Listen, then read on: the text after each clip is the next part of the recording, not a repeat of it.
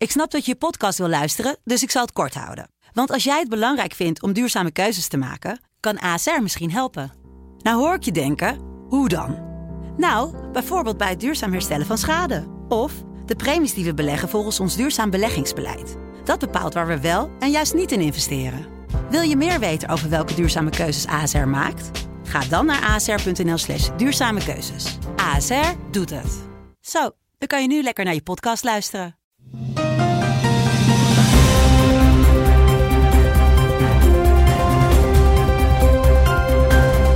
Dit is de Telegraaf podcast. Het land van Wierduk met Kamran Oela. Donderdag 18 juli 2019, het land van uh, Wierduk. En uh, ik ben weer uh, terug op mijn vertrouwde plekken. Dus Wiert en ik zijn weer herenigd na een aantal weken. Um, en we gaan er vol gas weer tegenaan, hè, op dit moment zo halverwege juli. Ja, we gaan nog even de, de zomer, onze zomer afwachten. Dus we, we, werken gewoon door, weer door. Ja, want jij hebt je de afgelopen dagen begeven in Westland. Daar gaan we het over hebben. Ja. Uh, mooie kassen heb je daar, maar misschien straks ook een islamitische school. um, in die kassen, ja. Ja, ja. ja. Heb je daar nog iets lekkers meegenomen? Komkommers, uh, tomaten? nee, is, nee, helaas. Zo'n bloementeelt daar trouwens. dat, is ook, dat is ook waar. We gaan het over Donald Trump hebben natuurlijk en de squad. Ja. Um, en uh, salafisten in het, uh, in het Haagse van onze voormalig collega die nu bij een uh, concurrerende nieuwsmedium schrijft. Ja. Maar die had vanochtend een bijzonder verhaal over -huh. salafisme. Um, nog andere onderwerpen waar we het echt over moeten hebben? Nou, deze, deze wilden we gaan behandelen. Tenzij tijdens de uitzending nog binnenkomt, kijken we naar de producer.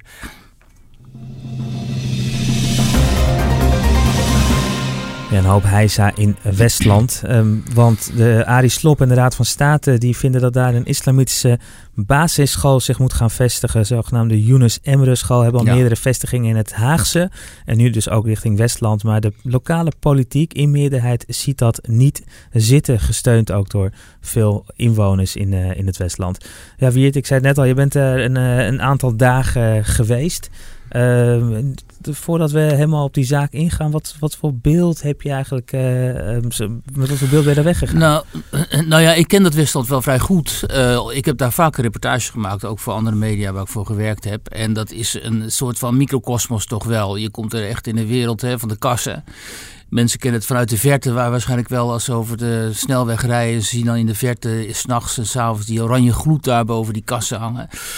Um, dat is een wereld waarin mensen heel hard werken, waar mensen ook heel rijk worden, waar veel Oost-Europese arbeidsmigranten actief zijn. En um, waar het wel een beetje zo geldt van, um, doe maar gewoon, doe je gek genoeg. En uh, de islam... Ondanks dat er wel een aantal duizenden Turken Marokkanen zijn. Uh, uh, de islam is er nog altijd wel een ver van mijn bedshow. Veel meer dan in Den Haag of Rotterdam of Amsterdam. Uh, dus dat is een beetje de wereld uh, die je dan betreedt. En daar heeft een scholenvereniging uit Den Haag, die inderdaad, zoals je zegt, vier vestigingen heeft in Den Haag en nog een plan om in Zoetermeer zo'n school op te richten. Die heeft het idee gelanceerd, uh, een aantal jaren geleden inmiddels al, om daar een islamitische basisschool te beginnen. Want wat nu het geval is, dat klopt ook, want ik heb met die, die ouders gesproken. Um, moslimouders sturen hun kinderen, als ze die naar een islamitische school willen sturen, dan naar zo'n vestiging in Den Haag. Mhm. Mm -hmm. Dus zou het hen misschien beter uitkomen als je zo'n school hebt in, uh, in uh, Naaldwijk of in een andere dorpskern van die gemeente Westland. Uh, maar die lokale partijen, die, um, die drie die de meerderheid hebben in de raad, dat is overigens niet de coalitie, maar die hebben wel met z'n drieën de, de meerderheid in de raad. Die zeggen ja, er is helemaal geen behoefte aan zo'n islamitische school. We hebben hier voldoende scholen, die zijn goed. Hè? Bijzondere christelijke scholen, openbare scholen zijn prima scholen. Daar mixen de jongeren ook goed. Um, het zijn ook buurtscholen vaak, dus mensen kunnen in hun buurt naar school, die kinderen. En dan komt er zo'n islamitische school voor al die twaalf, ik meen elf of twaalf kernen voor de gemeente Westland. En hoe gaat dat dan? He, gaan dan die ouders de kinderen van de huidige scholen afhalen en gaat er dan een busje rijden, omdat het is best een uitgestrekte gemeente, mm -hmm. gaat er dan een busje rijden om die kinderen naar die school toe te brengen en zo. Dat vinden ze allemaal heel erg onwenselijk, omdat je daarmee volgens hun uh, segregatie in de hand werkt en die parallele samenleving die we inmiddels al zo goed kennen, um, uh, eigenlijk faciliteert en, en, en, bestendigt. Vind ik ook trouwens. Ik ben ook, heb grote vragen over islamitisch onderwijs. Maar goed, dat is een andere kwestie. En um, in ieder geval is het legitiem om die bezwaren uh, op tafel te leggen, lijkt mij. Uh, de minister die was aanvankelijk ook helemaal niet uh, van die plannen erg, erg gediend, want die dacht het is niet levensvatbaar daar. maar uiteindelijk heeft de Raad van Sta State in beroep, want die, die vereniging die die islamitische school wil oprichten is in beroep gegaan. Toen heeft de Raad van State be besloten van ja, die school moet er wel komen en de staat moet die gaan bekostigen. Ja, dan kan de minister weinig anders doen dan zeggen ja, nou goed, dat, dat ga ik dan uitvoeren. maar die raad, dat is uniek in Nederland, die raad die blijft dwars liggen. Dus de minister heeft de raad moeten overroelen. Dat is een heel interessant geval eigenlijk. En um, heeft dus op eigen houtje, zeg maar, kun je wel zeggen, moeten besluiten dat die school er toch moet gaan komen. Uh, kijk, wat zien we hier nou? Hè? Um, ik heb het vaak hier in die podcast over de islamisering van de wijken in de grote steden. Maar dat strekt zich niet alleen maar uit tot uh, de grote steden. Dat heeft uh, uh, demograaf Josse de Voogd al, ook al goed aangetoond. Ook in die randgemeenten zie je eigenlijk hetzelfde proces op gang komen. Mm um, en als er islamisering plaatsvindt, dus als zeg maar vroegere gastarbeiders en hun nazaten islamitischer worden, orthodoxer worden, religieuzer worden, dan gaat natuurlijk die wens ontstaan hè, naar eigen moskeeën, die zal hebben, maar ook naar eigen scholen. Omdat ze hun kinderen in die islamitische grondbeginselen of in die beginselen willen uh, uh, opvoeden en op laten groeien. Uh, en kijk, nu ligt het wel, als je dan met de, de zeg maar, ik heb met een aantal moslims daar gesproken, gewoon leuke vrouwen met jonge kinderen en zo. En dan ligt het soms ook best genuanceerd. Hè? De een zegt, ja, ik wil niks liever dan mijn kind naar de islamitische school sturen. De ander zegt, ik stuur ze al naar de islamitische school in Den Haag.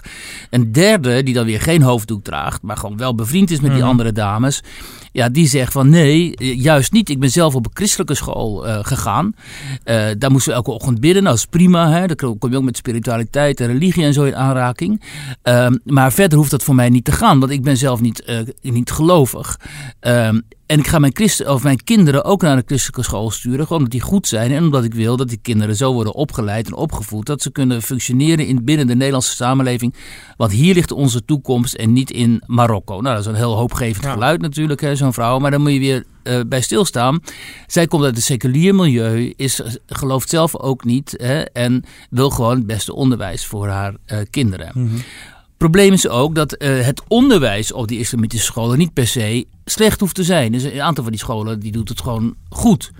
Uh, je kunt gewoon op die scholen natuurlijk goed leren rekenen en goed aardeskunde leren en weet ik veel wat allemaal. Maar het probleem is natuurlijk dat binnen die scholen een bepaalde gedachtegoed heerst, of in ieder geval kan gaan heersen dat in strijd is met uh, onze westerse normen en waarden. Uh, soms met de grondwet zelf, zoals op dat Haga Lyceum in Amsterdam. Hè, waar gebleken is dat het bestuur gewoon contacten onderhoudt met radicale groepen. Uh, dus daar moeten we ons, vind ik, ernstig afvragen van ja, in hoeverre is dat islamitisch bijzonder onderwijs nou eigenlijk, past dat binnen onze rechtsstaat? Um, dat is een legitieme vraag. Die, roept die, roepen die lokale partijen dus ook op. En nu heb je daar dus in Naaldwijk eigenlijk, daar concentreert zich dat. Een soort moderne schoolstrijd gaande, waarvan we natuurlijk allemaal hadden gehoopt dat dat nooit meer nodig zou zijn. Maar doordat we nu eenmaal te maken hebben met groepen in onze samenleving die nieuwe eisen aan de dominante samenleving, de dominante cultuur stellen, hebben we daar helaas uh, toch mee te maken. En uh, ja, dat uh, polariseert ook, dat merk je mensen gesproken daar, die hebben op zichzelf, uh, hè, die hebben in de afgelopen 10, 20, 30 jaar toch de samenleving ingrijpend uh, zien veranderen. Die kijken naar Den Haag, wat vlakbij ligt, en naar mhm. Rotterdam. En die zeggen, ja, weet je, hopelijk wordt dat hier nooit zo, maar wat we daar zich zien afspelen, dat is niet vrij. En uh, we maken ons ernstige zorgen over onze toekomst en vooral die van onze kinderen ook een hele legitieme analyse. Omdat als je in die oude wijken gaat kijken, dan waan je inmiddels helemaal niet meer in Nederland heel veel mensen zullen zeggen, ja, dat is het moderne Nederland. Nou ja, dat mogen ze zeggen. Het, heeft in ieder geval heel weinig meer te maken met Nederland van 20, 30 jaar geleden. Ehm, en daar heersen ook vaak, is ook gebleken in het verhaal waar we het zo meteen over gaan hebben. Daar heersen ook vaak gewoon de normen en waarden van de islam. En ook niet zelden van de radicale islam, dus van het salafisme. Mhm. Ja, dat staat dat staat regelrecht haaks, om zo maar te zeggen, op onze vrije, liberale, open samenleving. Ja, helaas hebben we daar elke dag weer meer en meer um, mee te maken. En um, het ironische vind ik dan wel, hè, dan kom je in zo'n typische provinciale gemeenteraad. Schitterend nieuw gemeentehuis trouwens hoor. Daar in Naarden of in uh, Naaldwijk. En er zit zo'n grote gemeenteraad. Er zijn allemaal mensen gewoon geworteld in die streken. In die, in die kassenstreken. Ja. Zo. Dus mensen uit, niet uit de klei, maar echt gewoon, je, je weet wat ik bedoel. Ja, en die moeten zich dan met de islam. weet je, die moeten zich dan met de islam en met salafisme, al die shit gaan bezighouden. Zo. Dan denk ik echt, wat hopeloos. Weet je, dat, dat, dat dit in 2019 uh, eh, onderwerp van debat moet zijn. Maar ja, het is niet anders. We hebben het zelf uh, zo georganiseerd mm -hmm. en uh, we hebben ermee te dealen. Ja. Um, en even nog ter terugkomen, want je, bent, je, nou, je, je, legt het vrij uitgebreid ook uit, want je hebt dan met veel mensen gesproken, zoals je ook uh, vertelt. Lang niet iedereen uh, stond ook in het verhaal in, in de krant, uh, want er staat zowel gisteren als vandaag een mooi verhaal in de Telegraaf, ook op onze website aan te raden om, om de verhalen te lezen. Maar je beschrijft nu nog veel meer dan dat. Um, je zou ook uh, kunnen denken van ja, het, het, gaat om vraag en aanbod. Dus uh, als, uh, hoe groot is die vraag? Want je geeft aan, er zijn een aantal ja. mensen die hun kinderen naar Den Haag helemaal brengen. Ja. Uh, maar, dat is dus eigenlijk wel het technische uh, probleem hier. Dat Slop heeft gezegd, de minister van Onderwijs. Ja, het aanbod is gewoon niet. Uh, de vraag is niet groot genoeg. Mm -hmm. He, dus die school die moet iets van 250 kinderen of zo kunnen waarborgen over een aantal jaren. Ik meen 260 zelfs. en dat is nog maar helemaal de vraag of ze dat kunnen waarmaken, die, die vereniging. Um, er is gezegd van wel. Want ze, ze, wat ze dan doen is dan gaan ze kijken in een vergelijkbare gemeente. In dit geval was het Maastricht. Wat volgens mij helemaal niet vergelijkbaar is. Maar goed, dat vonden ze al vergelijkbaar mm demografisch gezien en gezien het aantal moslims en zo. En toen zei ze, als in Maastricht kan, dan kan het hier uh, ook. Nou, daar zijn ernstige bezwaren tegen gemaakt door die gemeenteraad. Van dat, die, dat is een foute vergelijking. En inderdaad, die, die, die, die vertegenwoordigers van die lokale partijen ook, die zeggen ook vooral dit van ja, er is gewoon geen behoefte aan. Het is helemaal niet gezegd dat al die islamitische kinderen naar die school zullen gaan. Want een aantal zal gewoon toch voor de buurtschool kiezen of voor de openbaar onderwijs of voor christelijk onderwijs. En uh, dan, dan staat helemaal niet vast dat die school zijn, uh, zijn quotum gaat halen. Um, en, maar kijk, uh, wat hierachter zit, um, dat is dat binnen de islam is het een gegeven dat wanneer jij uh, het aantal gelovigen zich uitbreidt, wanneer het aantal gelovigen zich ook uitbreidt binnen een omgeving die niet gelovig is, zoals de westerse samenleving en uh, hier in Europa, dan begin je uiteindelijk als gemeenschap steeds meer eisen te stellen. Dus het is niet zo dat je integreert in die gemeenschap en dat je onderdeel gaat uitmaken van die gemeenschap. Jij gaat steeds meer en steeds vaker en steeds hardere eisen stellen aan die gemeenschap waarin jij dan verblijft. En, uh, en dat is het punt van onze uh, moderne uh, democratie, mm -hmm. die is heel erg geneigd om het minderheden naar de zin te maken. Hè? Want dat is de essentie van democratie. En in democratie houdt de meerderheid rekening met de minderheid. En niet andersom. Kijk, iemand als, eh, even een zijpad, iemand als, als Poetin bijvoorbeeld, de autoritaire president van Rusland, die zegt tegen minderheden, joh, uh, wij hebben jullie niet gevraagd, wij hebben jullie niet nodig, jullie hebben ons nodig. Dus uh, alles goed en wel, je kunt vragen wat je wilt, maar ik ga niet op jullie in. Dat kan hij zich permitteren, want hij is een autoritaire president. Mm -hmm. Wij houden rekening met minderheden. Alleen de vraag is eh, zo langzamerhand steeds urgenter en, en, en ook, um, zeg maar, dient zich steeds vaker aan. In hoeverre moeten wij er rekening mee blijven houden? En wanneer zegt zeg maar, de dominante samenleving nou is oké, okay, nu is het wel mooi geweest omdat het uiteindelijk ook enorme uitwassen gaat kennen. Hè? Bijvoorbeeld in het geval van asielzoekers die maar niet worden uitgezet terwijl ze geen recht hebben op asiel. Dan kunnen ze weer verder procederen. Dat is hun, hun recht. En dan komen die asieladvocaten die gaan zeggen procedeer nog maar. En dan ben je op een gegeven moment ben je 10, 12 jaar aan het procederen. En dan zegt um, de Kamer, ja dit is nu zielig om deze mensen uit te zetten. Weet je wat, we gaan ze een status geven. Dus je kunt telkens die grenzen van die rechtsstaat zo op, oprekken en zo uitdagen dat je uiteindelijk in een situatie komt waarin je gewoon je zin krijgt. Mm -hmm. uh, en dat, dat zie je in, binnen die islamitische gemeenschappen ook. Hè? Ik, ik zeg nu dat over een jaar of vijf, zes, zal de hoofddoek bij de politie geïntroduceerd worden. We kunnen, we, hoe hard wij ook roepen, dat moet niet, want de politie moet neutraal zijn. Hè, de scheiding van kerk en staat, de scheiding van kerk en moskee, noem maar op. De druk is zo groot hè, en die wordt telkens weer opgevoerd. Hier in Amsterdam heb je die Fatima Elatik, hè, die altijd in, in dat bestuur van Amsterdam heeft gezeten, Amsterdam-Oost ook. Die permanent dat verhaaltje weer aanwakkert, die hoofddoek die moeten komen bij de politie. Mhm. Nu ook weer hè, heeft ze gezegd van, als er meer eh, vrouwelijke, als er meer moslima's bij de politie hadden gezeten, dan was het wel niet zo ver gekomen waarschijnlijk met die, eh, met die radicale jongens. Hè? Mhm. Want dan hadden ze een moedertje kunnen spelen over die jongens, wat natuurlijk een totaal een bullshit verhaal is. Ehm, maar je ziet hoe die druk dagelijks eh, wordt opgevoerd. Eh, totdat, totdat onze bestuurders en onze politici gaan toegeven. En die hebben vaak gewoon niet hele, zeg maar, ehm, sterke ruggengraat, hè, zoals we weten. Het is niks zo makkelijk als politicus om minderheden te pleasen, want dat voel je natuurlijk goed. Dat zie je met het racisme-debat, dat zie je met het diversiteitsdebat. Al die politici hebben gewoon de neiging om toe te geven, want dan, word je, hè, dan volgt applaus en geklap en zo. En dan ben jij de gevierde man of gevierde vrouw. Eh, vervolgens zonder zich rekenschap te geven wat de consequenties van het handelen zijn. Nou ja, dat is natuurlijk, hè, dat is, dat, vandaar ook die vragen om sterkere politici, politici met meer visie, politici met meer, meer begrip van wat er gaande is in de samenleving en ook de onderkenning van het gevaar waar wij voor staan. Hè, want we staan voor het gevaar van die radicale islam ook. Maar ja, eh, die zijn op de vingers van één hand te tellen en die zijn op dit moment niet aan de macht. Nee, voordat we het eh, t- verder gaan over het salafisme, want het is een paar keer al genoemd eh, wat, eh, wat bijvoorbeeld in Den Haag eh, aan de hand is. Nog één vraag over Westland. Want ergens dacht ik ook, juist Westland is misschien wel een, eh, zo'n typische gemeente binnen de Randstad, hè, binnen of Zuid-Holland. Ehm, waar het juist misschien wel goed gaat met de integratie. Want als ik zo ook hoor, eh, de, de, de, de dames die je tegenkomt Ja. met een hoofddoek. Ja. Eh, ze hebben volgens mij daar een wethouder gehad eh, die luisterde naar, naar de naam Mohammed. Ja. Die, die, die daar op handen werd gedragen. Die vervolgens zelfs bij een tuindersbedrijf in, in de directie ging.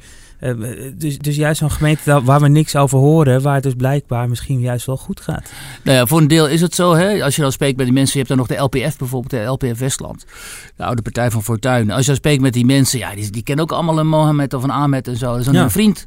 En dat is allemaal geen. En kijk, dat is, geen, dat is ook het probleem altijd met het verwijt van racisme in Nederland. Ja. Deze mensen die hebben ook gewoon vaak in hun, onder hun personeel eh, of onder hun vrienden gewoon Marokkaan of Turk waarmee ze prima kunnen vinden, waarmee ze voetbal kijken en zo. Maar het is dus echt probleem. een gemeenschap. Nou ja, en ook eh, dat, dat groepje eh moslimmensen die, die ik noemde, die, die sprak ik samen met hun Nederlandse, dus autochtone Exact, collega's. ja. Het is een hartstikke bevriend, die vrouwen Ja. onderling. Hè? Die, die ene, de ene Nederlandse dame zegt ook van ja, eh, mijn collega hier die moet drie keer per dag bidden. Ik ben haar chef, dat vind ik prima, maar niet op het moment dat het even niet kan. Dan zeg ik tegen haar, ja, je gaat nu even niet bidden, want ik heb je nodig. En dat vindt die Marokkaanse mevrouw er ook prima. Dus dat, is, dat, dat werkt allemaal heel goed. Alleen toch zie je ook dat eh, die segre- segregatie.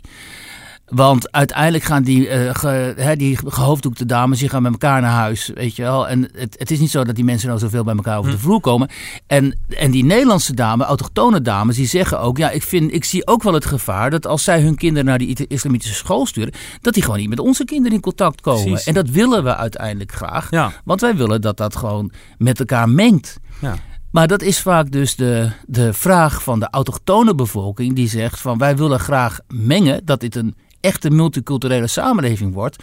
Maar vanuit die gemeenschap, uit Turken, Marokkaanse gemeenschap en zo, is die wensen vaak veel meer, eh, veel minder, sorry, veel minder. Omdat ze daar veel meer binnen de familie leven, binnen de ook de uitgebreide familie, hè, neven, nichten en zo. En uiteindelijk ook met de familie uit het land van herkomst vaak. Hè. Dus op vakanties gaan ze toch vaak terug naar Turkije of naar Marokko, blijven daar heel lang.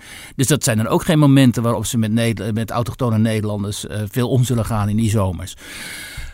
Dat, dat, ik ken dat uit eigen ervaring. Ik bedoel, ik, ik kom eh, voor een deel uit het milieu. Dus ik zie heel goed hoe dat hoe, dat, hoe subtiel dat eh, functioneert. En mijn standpunt is, net als van die Nederlandse ambtenaren trouwens daar, die was, dat waren goede vrouwen. Mijn standpunt is ook van, het is al zo ingewikkeld, er vindt al zoveel segregatie plaats.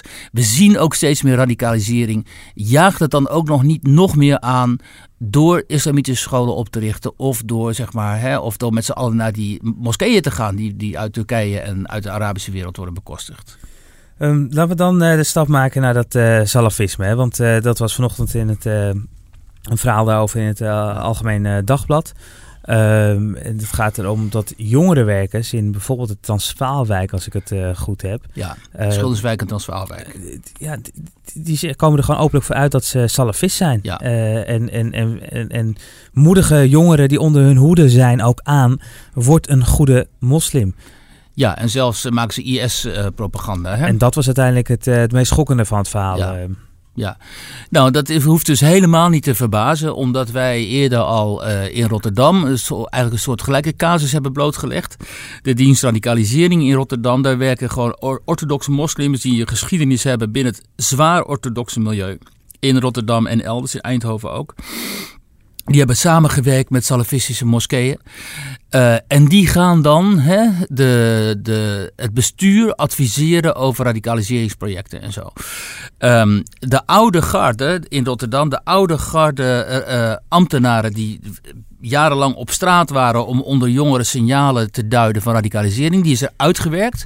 Daarvoor in de plaats zijn zeg maar moderne moslims gekomen, um, jongere mensen, die dan um, die, net zoals in de, waarvan we niet weten, net zoals in Den Haag, waar nu precies hun uh, loyaliteit uh, gezocht moet worden. In Den Haag eh, zijn gelukkig zijn daar dus mensen naar buiten getreden, anoniem weliswaar, maar bronnen naar buiten getreden die zeggen, ja, dit loopt echt de spuigaten uit. Het, hè, en die ene, ene meneer is er zelfs geschorst vanwege zijn salafistische sympathieën. In Rotterdam uh, was onze ervaring, wordt dit ook veel gezegd, alleen is het heel moeilijk om uh, veel van die mensen on record te krijgen, dus uh, openlijk met name toename in de krant te krijgen, omdat ze bang zijn voor de gevolgen van wat ze zullen zeggen. Maar het verbaast dus niks en ook in Amsterdam hebben we natuurlijk gezien hè, dat het radicaliseringsbeleid hier ook ja. een puinhoop is geweest. Um, dus waar we mee te maken hebben. Um, en ik, krijg, ik moet zeggen, daar aan toevoegen, ik krijg ook uh, heel veel e-mails bijvoorbeeld van. En het gaat dan tot, hè, tot mensen die in sporthallen hebben gewerkt in Amsterdam bijvoorbeeld. Die zeggen: Ja, wij zien daar. Um, wij worden weggewerkt. Wij oorspronkelijk Amsterdammers, wij worden weggepest. Wij worden hier uit die sporthallen dat is, de, dat is zeg maar de, de onderste laag ambtenarijen ergens. Wij worden hier weggewerkt te willen van mensen die uh, hier uh, neven en broers en zo uh, binnenhalen. En die, die hier eigenlijk hun eigen koninkrijkje aan het stichten zijn. Um, dat is een hele zorgelijke ontwikkeling. Maar valt er iets aan te doen? Want het is een hè, zorgelijke ontwikkeling. uiteindelijk, die jongerenwerkers die, die zitten er ook niet zomaar. Nou ja, die zorgen, die jongerenwerkers zijn dus kennelijk niet goed gescreend. En, maar het begint natuurlijk met de totale gebrek aan werkelijke kennis en begrip. En ook uh, uh, uh, moed bij de mensen die zich bezig zouden moeten houden met deze problematiek. In die bestuurlijke lagen. Die hebben dus kennelijk geen werkelijk begrip van wat het betekent. Wat salafisme betekent, bijvoorbeeld wat die orthodoxe islam betekent. Maar ook wat clanstructuren betekenen. Wat nou ja, wat eigenlijk dat hele scala van islam en cultuur, wat toch verweven zit in die gemeenschappen en waar die mensen uitkomen, wat dat uiteindelijk voor gevolgen kan hebben als je die, als je die mensen ook, en dat, de goede niet te nagesproken, er zijn natuurlijk heel veel hele goede, dat, dat, dat, is niet zo. Maar als je mensen binnenhaalt die misschien niet de goede, de juiste opleiding uh, hebben, en in ieder geval niet de juiste mentaliteit en die niet voldoende gescreend zijn om het werk te doen wat ze uh, in opdracht van de gemeente dan uh, gaan doen.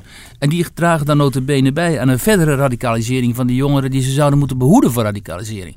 Ja, dat is natuurlijk. Maar goed, wat kun je eraan doen? Uh, dan, dan, moet je het hele ambtenarenapparaat uh, moet je gaan uh, opschonen, bij wijze van spreken. Door gaan lichten, kijken van waarom zit deze meneer of die mevrouw op die positie? Waar, waar komen ze vandaan? En wat willen we nou ook precies? Je moet ook echt doelen, hè, je moet ook echt doelen stellen. Kijk, iemand als Abu Talib, die kan in Rotterdam wel zeggen, ja, rot op als het je hier niet bevalt en zo. Uh, hè, in navolging van Trump, zeg maar. Oh nee, het zijn nog voor Trump. Maar doe ook iets. Laat... Maar, dub, maar, dubbel is natuurlijk ook dat hij ook wel laat zien, of ook wel erkent dat hij ook uh, qua salafisme. Uh, daar, ja, vervolgens zegt hij dus van elke goede moslim is een salafist. Ja. ja. nou ja, dan gaat zo'n jongen natuurlijk ook denken. Nou, de burgemeester zegt het zelf. Ja. Dus dan kan ik ook wel zeggen dat ik een salafist ben. Dus dat is ook zo'n zo'n dom signaal wat hij destijds afgaf. en hij kan wel wat hij deed, althans, ik weet dat, dat hij dit deed toen ik toen ik eens een keer een groot profiel over hem schreef, dat hij veel de wijken ingaat, veel naar die jeugd en die uh, andere uh, instellingen, um, uh, naar die jeugdhonken, zeg maar, en daar dan met publiek in debat gaat. Hè? Ook met Marokkaanse moeders, Marokkaanse ouders en zo, Turken ook. dus met allochtonen in het publiek. En dan ook heel berispend toespreekt en zo. Maar dat is dan een beetje Abu Talib. Hè. Gaat tegen zeggen, je moet zorgen dat ook, je kind Maar dat is toch misschien ook wat er moet gebeuren. Ook, kijk, die jeugdwerkers die hebben ook wel vrij spel in Schilderswijk en Transvaal. Want de, politiek, die komt daar niet. Juist misschien ook iemand als Richard de Mos, die juist gekozen is. Want die ja. zoveel spreekt met mensen ja. in, in de stad. Die zou ook misschien zijn mensen ook, zijn raadsleden ook veel meer ook naar deze wijken moeten sturen.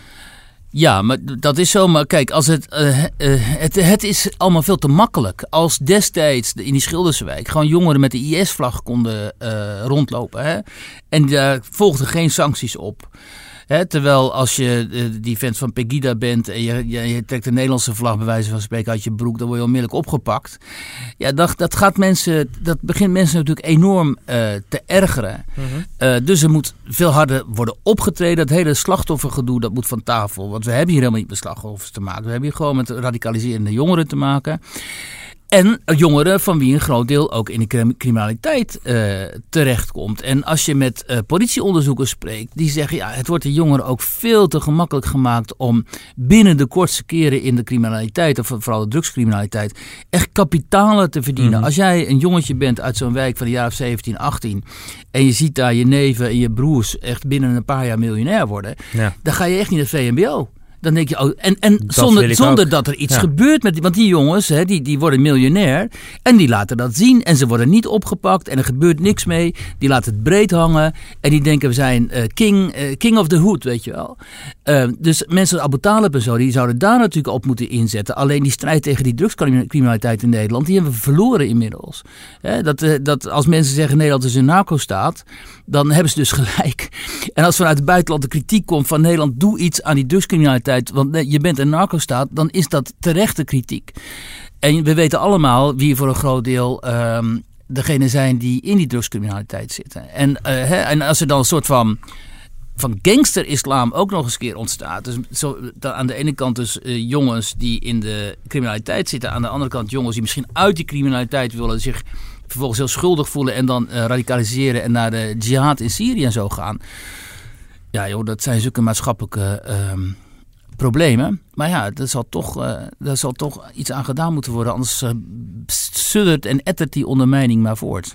Zoals zo vaak zal ik ook nu moeten zeggen, het is ongetwijfeld niet de laatste keer dat we het hierover hebben. Nee, en ook niet over Donald Trump.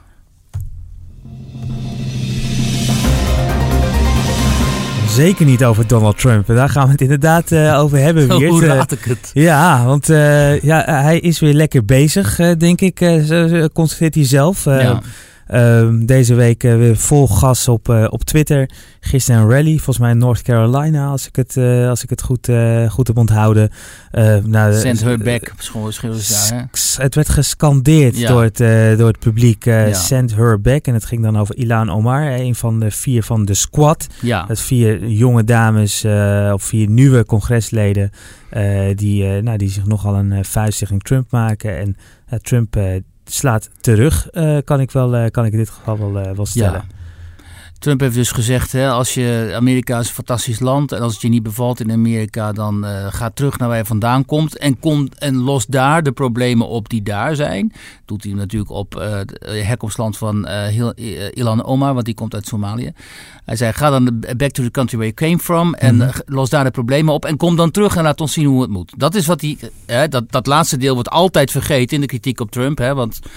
Maar dat is wat hij letterlijk uh, gezegd heeft. Um, dat is heel dom, want van die vier dat, dat zijn dus, ik zal even uitleggen, dat zijn dus de vier radicale gezichten van de Democratische Partij op dit moment. Dat zijn eigenlijk uh, socialisten, ja. aanhangers van uh, de, de dictatuur in Venezuela. En, um, nou ja, en uh, ook, die, die, willen open grenzen, zoveel mogelijk immigratie. Die willen eigenlijk ook het liefst dat die verschrikkelijke witte, blanke Amerikaanse mannen, dat die uiteindelijk gewoon vervangen worden door zeg maar, mensen uit, uit Zuid-Amerika en Latijns-Amerika en zo. Zodat Amerika gewoon een, of de Verenigde Staten echt in hun ogen een multi multi-etnisch multicultureel land uh, kan worden. En in het geval van uh, Ilan Omar speelt ook nog eens een keer haar islamitische achtergrond een rol. Hè. Ze draagt hoofddoek en ze, is, um, ze heeft zich al ook vanuit die positie heel kritisch over Israël uitgelaten. Ze heeft eigenlijk gewoon antisemitische opmerkingen over Israël gemaakt. Dus haar agenda is heel giftig, moet ik zeggen. als je die redenvoeringen van haar ziet en zo. En haar ook bijvoorbeeld. Zij, dit is die vrouw die heeft gezegd over 9-11. some people did something. Weet je wel. In plaats van te zeggen. We, waren, we werden slachtoffer van een uh, radicaal islamitische aanslag. En ze heeft zich over Al-Qaeda min of meer zeg maar lacherig uitgelaten en zo. Dus de agenda van deze mevrouw is heel dus discutabel. En zij is binnengekomen als vluchteling. En ze is, ze, is, uh, ze is nu een vooraanstaand landelijk politica. Uh, dus uh, je kunt veel van Amerika zeggen, maar niet dat ze deze mevrouw geen kans heeft geboden. En toch laat zij het niet na om de Verenigde Staten te bekritiseren, om de president van de Verenigde Staten, zou ik zeggen, Donald Trump. Ja, zo, is, dat zit ook al in mijn DNA. Oh jee. Oh, oh Donald. We zijn gehackt, denk ik.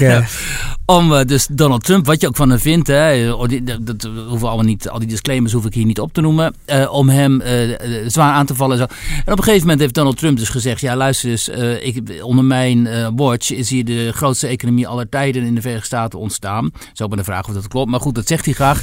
En dan um, zegt hij, en als het je hier niet bevalt, als je altijd alleen maar Amerika loopt te kritiseren en zo, nou ja, ga dan terug naar het land, naar de shithole waar je vandaan ja. kwam. Uh, dus, als je zo fantastisch bent, uh, maak daar de boel aan kant en uh, kom terug en laat ons dan zien hoe we dit moeten doen. Nou, boe, iedereen huilen natuurlijk. Oh, oh, wat een racist en zo. En um, verschrikkelijk. En nu moet hij zich ervoor rechtvaardigen dat het een racistische opmerking zou zijn.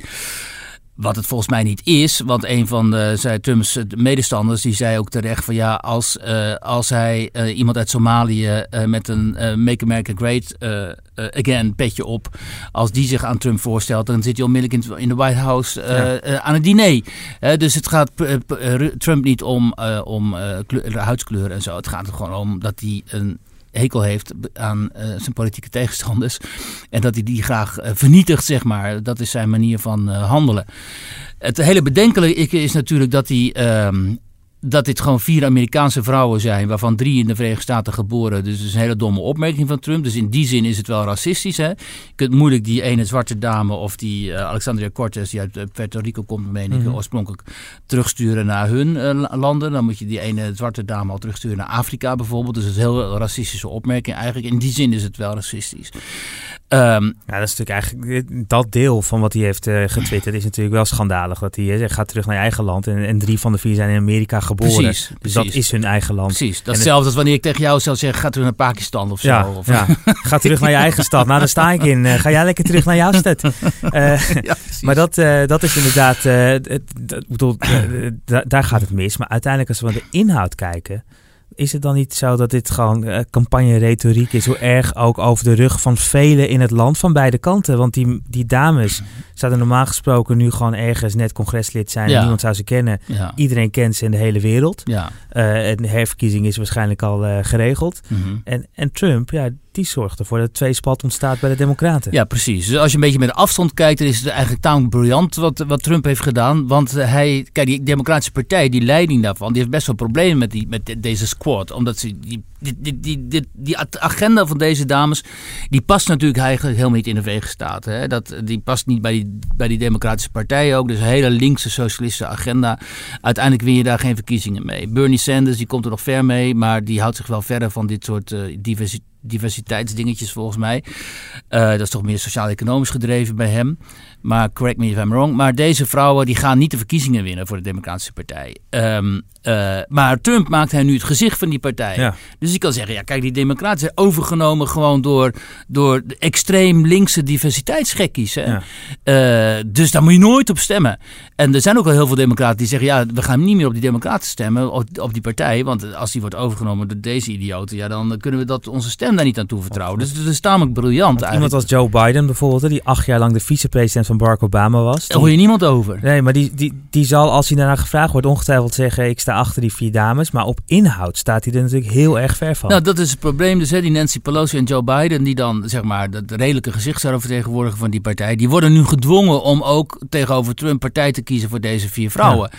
Wat ze natuurlijk Hey, dat wil ze natuurlijk aan alle kanten vermijden. Want ik zou ook niet met die dames in uh, te veel politieke contact willen komen als ik hun was. Maar ze moeten nu wel uh, bijna. En als Trump nog meer door, dat zag je bij die rally. Als hij dus nog verder op ingaat.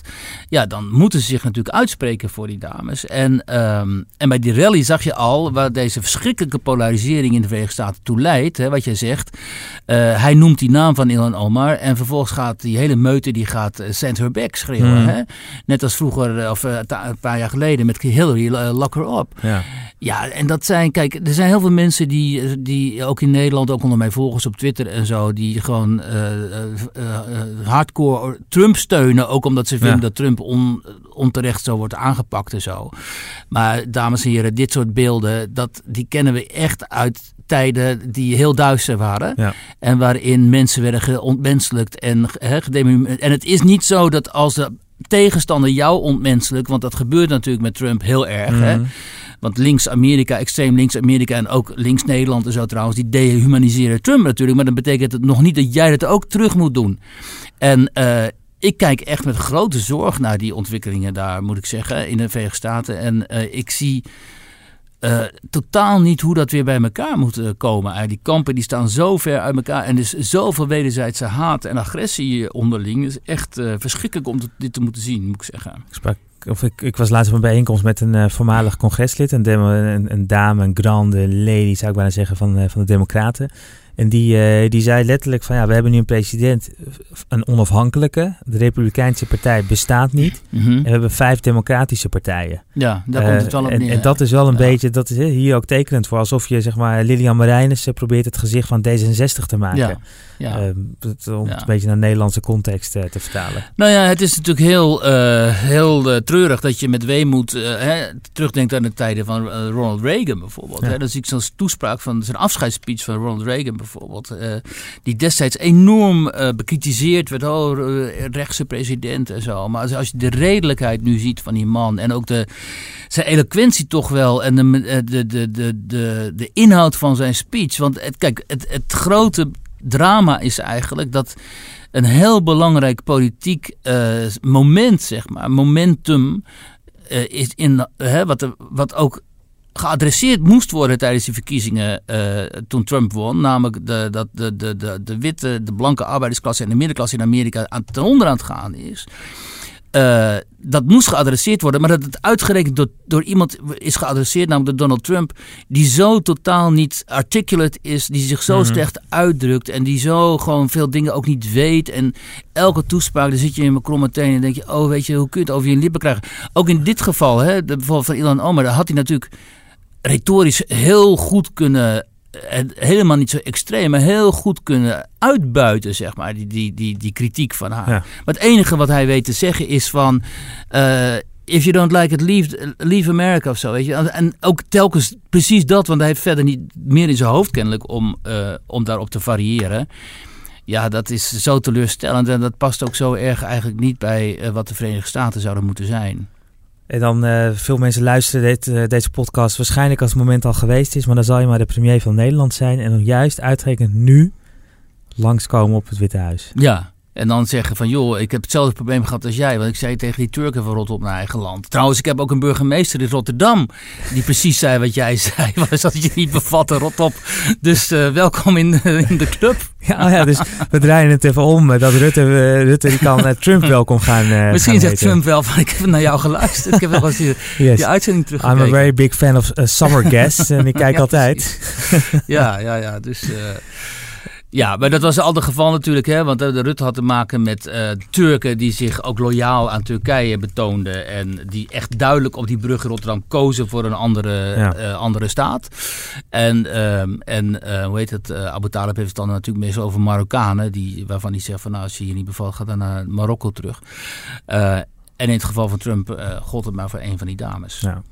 Nou, we gaan uh, ook deze zaak blijven volgen. Want de verkiezingen zijn over, wat is het, uh, 15, 16 maanden. Ja, alweer. Uh, ja, dus ja. Maar dat betekent ook dat 16 maanden lol blijft uh, waarschijnlijk. Want Landslide is... gaat het worden. Dat, zullen we dat nu maar gaan zeggen? Ja, oh, je bent van... nu al een soort woef blitzer. Dat je nu al de president-elect Donald Trump... Nou, je gaat gewoon tweede termijn ja? winnen, ja. ja. Nou, Kunnen we wel fles onder verwer verwerren. Ik denk dat het spannender wordt dan we denken. Ja? Ja. Nee, of, nee.